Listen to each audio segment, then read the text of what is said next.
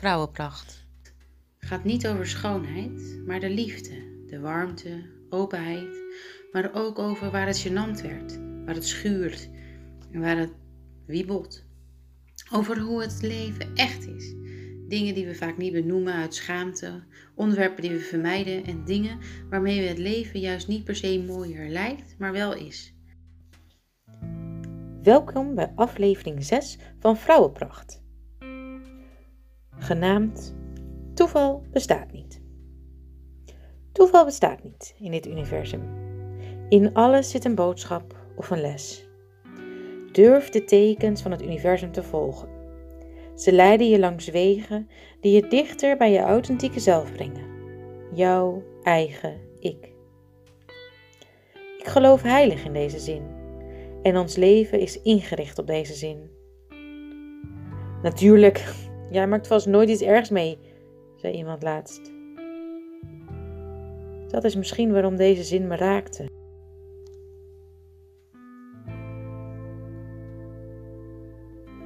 Het lukte ons lang niet om zwanger te raken. En keer op keer mislukte het. En dan was ik verdrietig. Ik voelde me er slecht over. Elke maand weer het verdriet als het niet gelukt was. Of als het wel gelukt was, maar het weer verdween. Ik was soms boos en intens wanhopig. Mijn wens die ik al lang had van jongs af aan, mama worden, leek een ver van mijn bedshow te worden.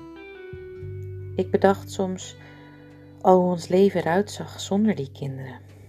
Maar toch koos ik er keer op keer voor om tegen mezelf te zeggen dat dit niet voor niets was, hoe zwaar het ook was. Ik leerde.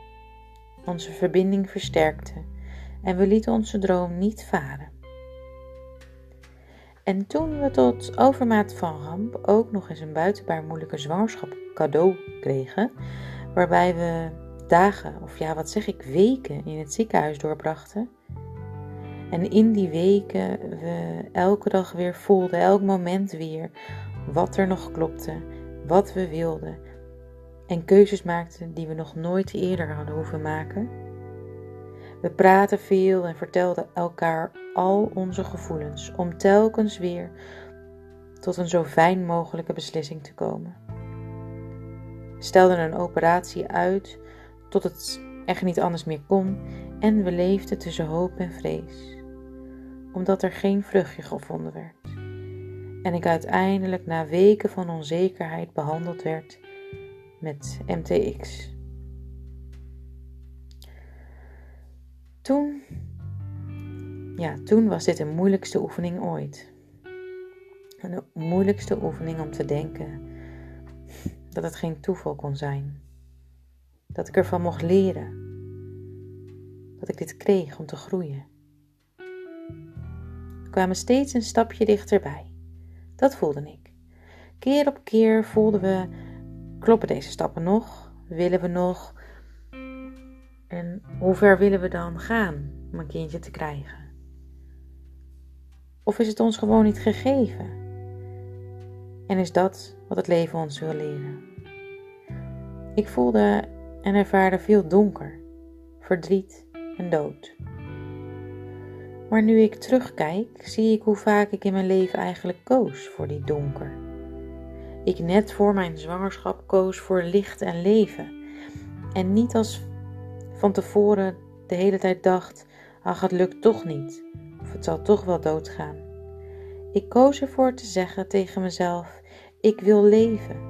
Ik kies niet alleen voor de liefde, maar ook voor het licht. Ik voelde hoe dit alles nodig was om tot een moeder uit te groeien, tot een meer volwassen vrouw.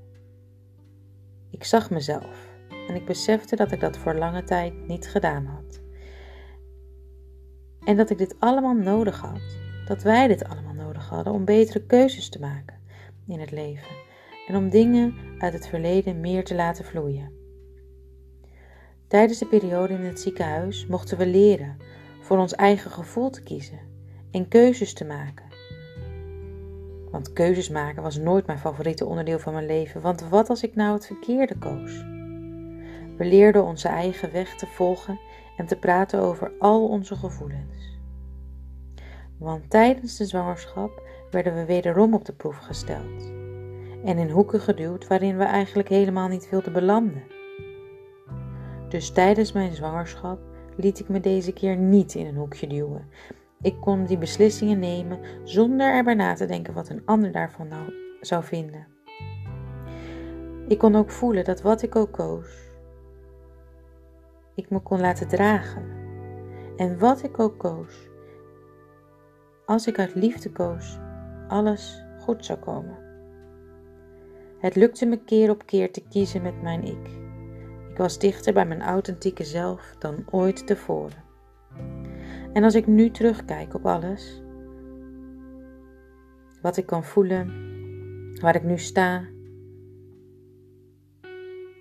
daar was ik nooit geweest.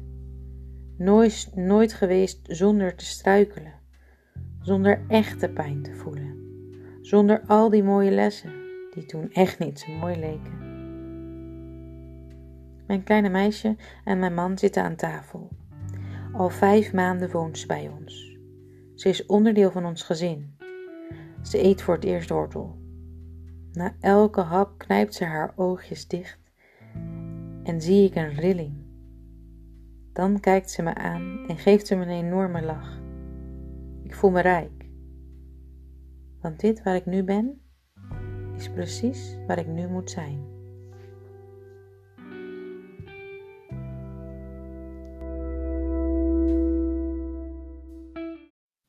Deze aflevering werd mede mogelijk gemaakt door mijn liefdevolle man, mijn mooie kleine meisje, mijn hormonen niet te vergeten.